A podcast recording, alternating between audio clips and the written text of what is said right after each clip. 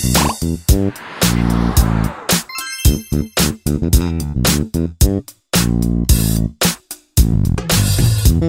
assalamualaikum warahmatullahi wabarakatuh. Waalaikumsalam warahmatullahi wabarakatuh. Selamat sore ya. Sore, Sudah sore ya.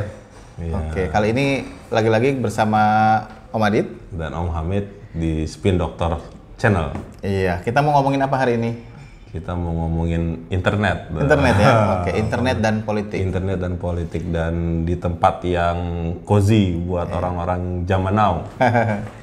Volks ya. Fox. ya. Co-gaming space katanya. Bukan co-working space. Iya, ya. khusus buat orang-orang yang main game. Tapi nggak ada game di sini, Mit. Oke, eh, apa nih yang lagi rame, bro? Yang rame eh, berita hari ini Hmm. katanya tiba-tiba Pak bukan tiba-tiba ya Pak Ji bikin statement katanya butuh influencer Wah, untuk kesempatan, mempromosikan kesempatan. mempromosikan apa namanya kebijakan ataupun hal-hal yang dilakukan oleh Pak Jokowi. Hmm. Disebut tuh angkanya mit Berapa? 72 miliar katanya Banyak ya. untuk menyewa para influencer. Influencer. Banyak banget itu. kalau Mudah-mudahan nyambung ke kita mit. Kalau nggak salah sih beritanya gara-gara lesunya pariwisata ya. Iya.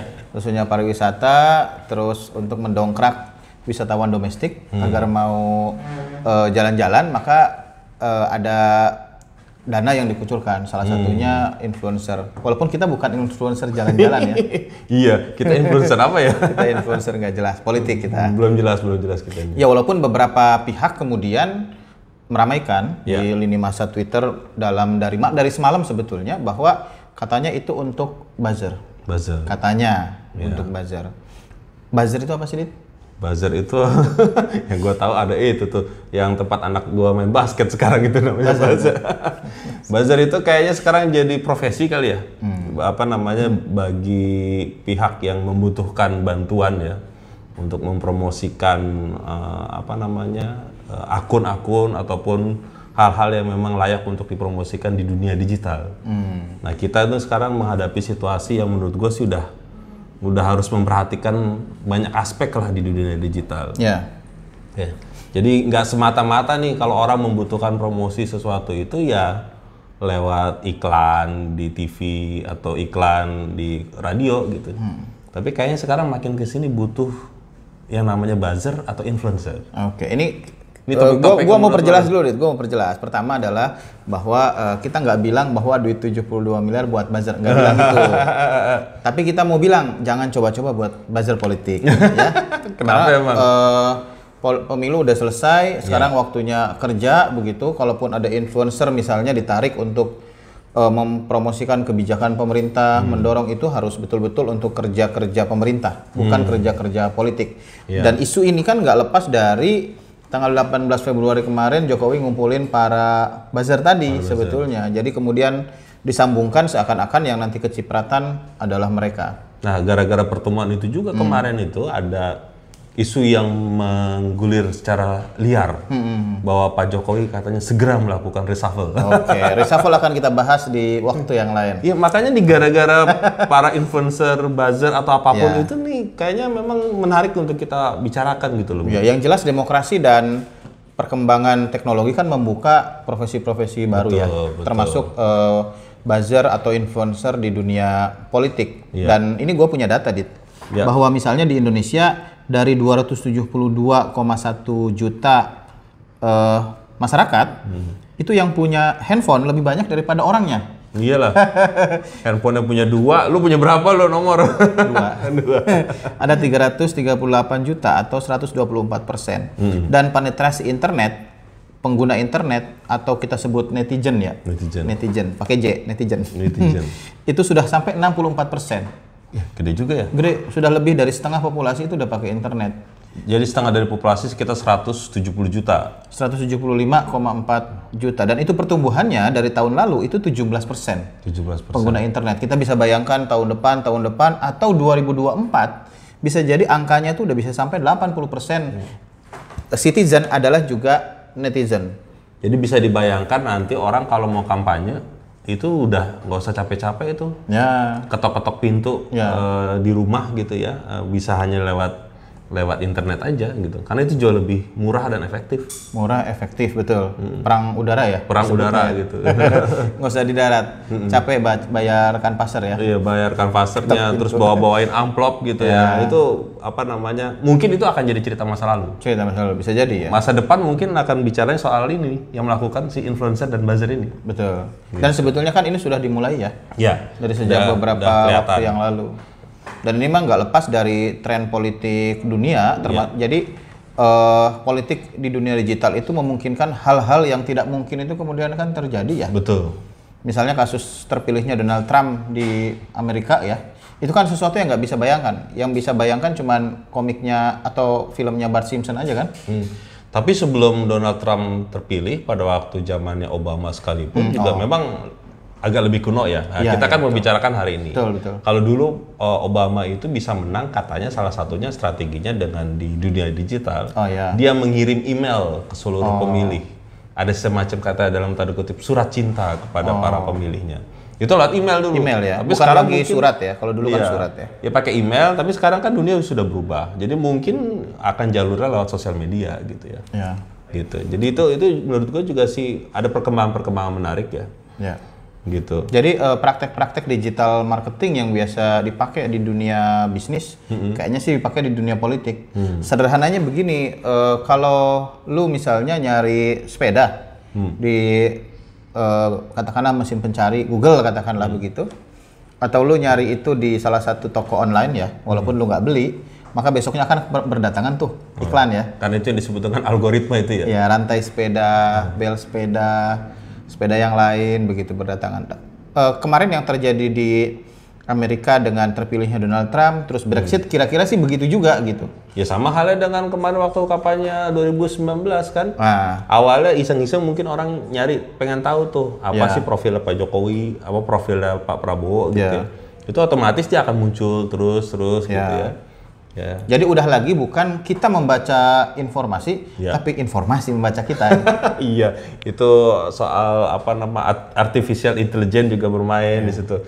Yang kadang-kadang gue berpikir ini yang apa namanya, gua nggak ngerti juga, tapi ternyata jadi bahan perbincangan yang sering kali anak-anak mahasiswa atau siapa pun anak-anak milenial pasti akan tahu soal itu gitu.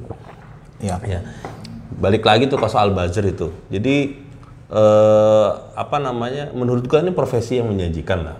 Artinya ke depan mungkin eh, orang-orang yang punya followers banyak ini atau mempengaruhi. Jadi kalau dulu kita mem, apa eh, eh, belajar atau menyampaikan ke mahasiswa terkait dengan adanya ada namanya opinion leaders gitu. Ya, betul. Itu kan sering kalau misal gua sering nulis di koran, Ya, betul. atau sering tampil di TV gitu ya yang kemudian mempengaruhi opini gitu ya. Sekarang mungkin bukan mereka atau mereka harus berubah menjadi Ya. eh, eh, influencer di dunia digital baru kemudian dia bisa akan mempengaruhi itu. Jadi lu mesti ganti nama jadi Adit Halilintar. iya iya iya iya. Abah Halilintar. Halilintar. Iya karena eh, mereka yang dianggap lebih berpengaruh ya. Makanya disebut influencer. Kalau bahasa Indonesianya pemengaruh katanya. Pengaruh. Pengaruh. Iya iya. iya. mereka dianggap punya masa dan masa itu mengikuti apa yang dia eh, katakan, lakukan dan sebagainya. Dan ini menjadi tren yang penting di dunia politik sekarang. Jadi memang beberapa beberapa tahun lalu itu kan ada film judulnya Republik Twitter ingat gak lu? ini ingin terkenal di dunia Twitter. Dia ingin namanya jadi trending topic. Ah. Nah itu juga kan sebenarnya membicarakan hal yang Ya, adik kelas lu yang bikin ya? Iya. Eh, yang mem- yang membuat suasana bahwa situasi apa yang terjadi pertarungan di Twitter itu memang akhirnya ada nyambung ke dunia offline gitu atau di dunia, di dunia sesungguhnya gitu ya. Iya. Jadi gue inget satu film film apa ya namanya itu yang kemarin itu eh, membayangkan bahwa antara hubungan dunia digital dan dunia offline itu kadang-kadang ya harus dikonekkan, dikoneksikan. Gue lupa nama judul film apa ya. Nanti mungkin teman-teman kalau ada yang inget tolong kasih komentar ya. Iya, lupa gue filmnya apa. Itu itu menarik ya untuk mengatakan bahwa orang yang apa namanya eksis di dunia digital itu bisa jadi akan orang yang berbeda juga atau orang yang identitasnya nggak diduga-duga gitu. Misalkan nih gua nih di dunia digital uh, avatarnya menimbulkan apa sosok yang jauh lebih muda dan tampan menawan gitu ya. Iya, iya. Tapi pada kenyataannya kan tidak gitu. Tapi dia akan jadi hero misalnya. Hmm. Karena soal nih, soal main game atau Iya, iya, menang lawan game terus followersnya banyak. Atau ada Iya. situasi gitu nanti. Iya, iya. Atau kemarin misalnya eh, siapa pasangan nomor tiga ya dalam pilpres kemarin itu. Oh iya, tiba-tiba muncul Iya, deal. di, eh, dildo. tiba-tiba muncul dan kemudian heboh kan? Ya dan orang nggak tahu dia latar belakangnya apa, Hmm. siapa dia gitu. Kemudian pendidikannya apa, eh, sekolah di mana, kerjanya apa dan sebagainya. Tapi kemudian ketika dia muncul dan menyajikan sesuatu yang berbeda berbeda dari narasi politik mainstream, baik kubu Prabowo maupun kubu Jokowi, dia menjadi alternatif yang eh, signifikan juga lumayan begitu ya, menjadi bah- bahan perbincangan dalam beberapa bulan. Dan gue menduga bahwa kalau misalkan ini nanti, gue nggak ngerti ya 2024 situasinya kayak apa ya.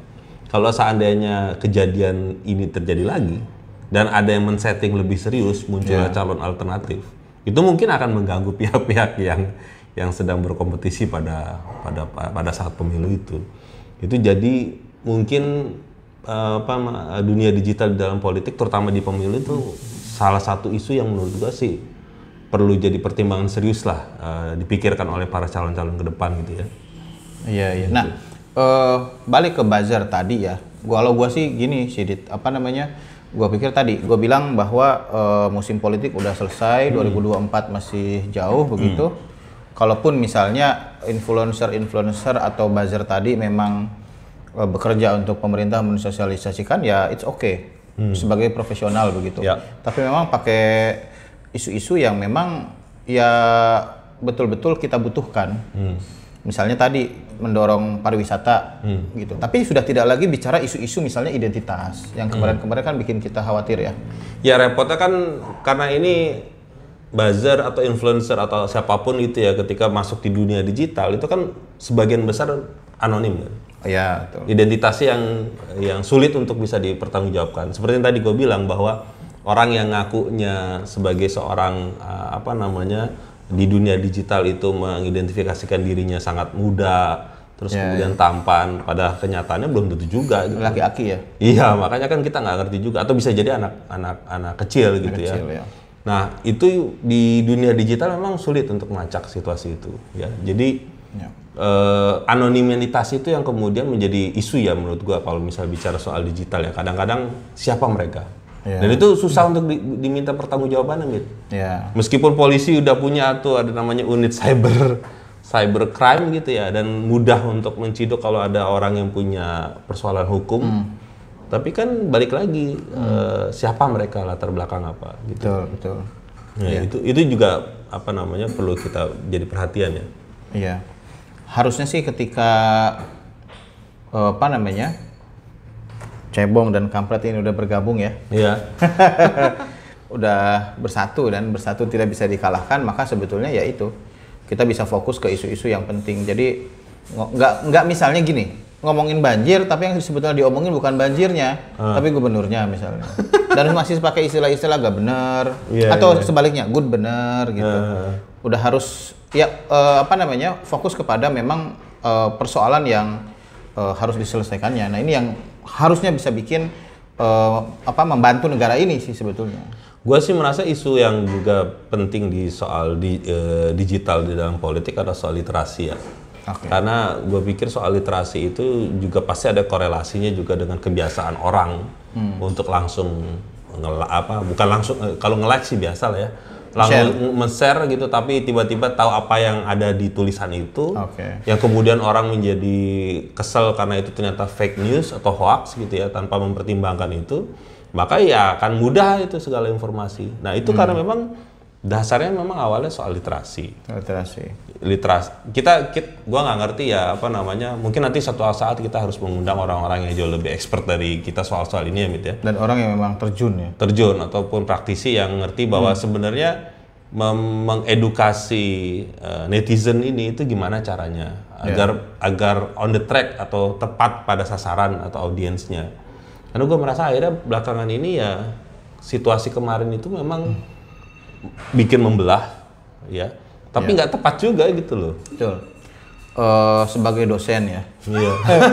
Jadi pusing gitu kan. Jadi pusing gitu. Karena yang dihadapi adalah mahasiswa, sorry ya nggak semua gitu ya, tapi mahasiswa yang nggak baca buku tapi baca hoax gitu. Iya, Ini betul. kan bikin capek ya. Iya. Bikin capek di kelas. Heeh, heeh. Ketika kemarin dit gua ketika ini kemarin eh, ada eh, quick count hasil pilpres. Gua tanya tuh mahasiswa, berapa yang percaya hasil quick count? Hanya sedikit. Hmm. Sebagian besar ya eh, tidak percaya dan tidak percayanya bukan karena pemahaman terhadap statistik misalnya, tapi lebih kepada kepercayaan dia terhadap eh, salah satu calon gitu. Nah itu kan problem ya. Mm-mm.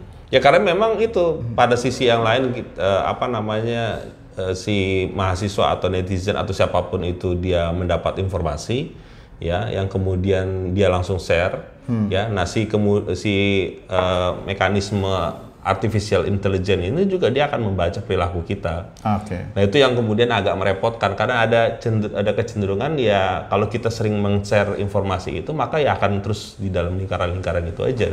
Iya. Kalau misalkan kita pro dukung si A, si B, maka informasi itu akan Iya. balik-balik di situ. Ruang gemak.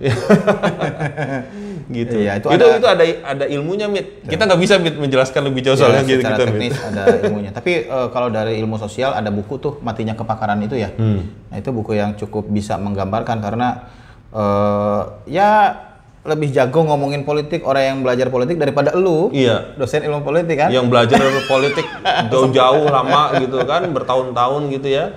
Terus kemudian orang tiba-tiba merasa paling hebat eh, Iya. hanya baca berita apa namanya satu halaman, mending satu halaman, Mit. Iya. Cuma satu paragraf doang gitu kan di di awal. Atau baca judul doang. Iya, abis itu berkuar-kuar di YouTube channel kayak begini gitu ya, dan merasa paling paling bener juga gitu. Nah itu yang mungkin itu salah satu tujuan kita bikin video gitu. Ya dan eh, kita kasih tahu ke penonton kita. Kita belum punya nama ya untuk penonton kita apa ya? Iya. Ntar kita cari ya. Eh, kita akan undang ya praktisi yang memang terjun ke dunia influencer Iya, atau mungkin dunia itu. buzzer untuk cerita dapur Dapur mereka. Kalau bisa sih juga termasuk dapat berapa Oh. dari dunia itu. Iya, karena ini penting juga buat orang-orang yang pengen tahu sebenarnya. Karena hari ini udah jadi profesi kok. Jadi profesi. Profesi yang mau tidak mau ya memang nggak ada di di dalam KTP gitu. Profesi buzzer itu nggak ada ya. Nggak ada itu kan. Eh, gitu. Oke. Para Iya. pemirsa, para penonton. Mungkin cukup sementara itu Ya. dulu. Nanti kita akan eh, apa namanya lebih banyak eh, diskusi lagi karena ini tema-tema yang menurut eh, kita berdua banyak hal yang bisa diperbincangkan gitu ya. Karena seperti janji tadi kita akan coba datangkan eh, teman-teman atau kawan-kawan kita yang memang berkecimpung di isu-isu digital dan politik gitu ya. Ya. Jangan lupa subscribe eh, channel Spin Doctors Ya. untuk bisa dapat eh, notifikasi untuk eh, tayangan kita Berikutnya. berikutnya. Dan juga jangan lupa di Spotify kita ya. Kita juga punya podcast di sana. Baik, terima kasih. Assalamualaikum warahmatullahi wabarakatuh. Waalaikumsalam warahmatullahi wabarakatuh.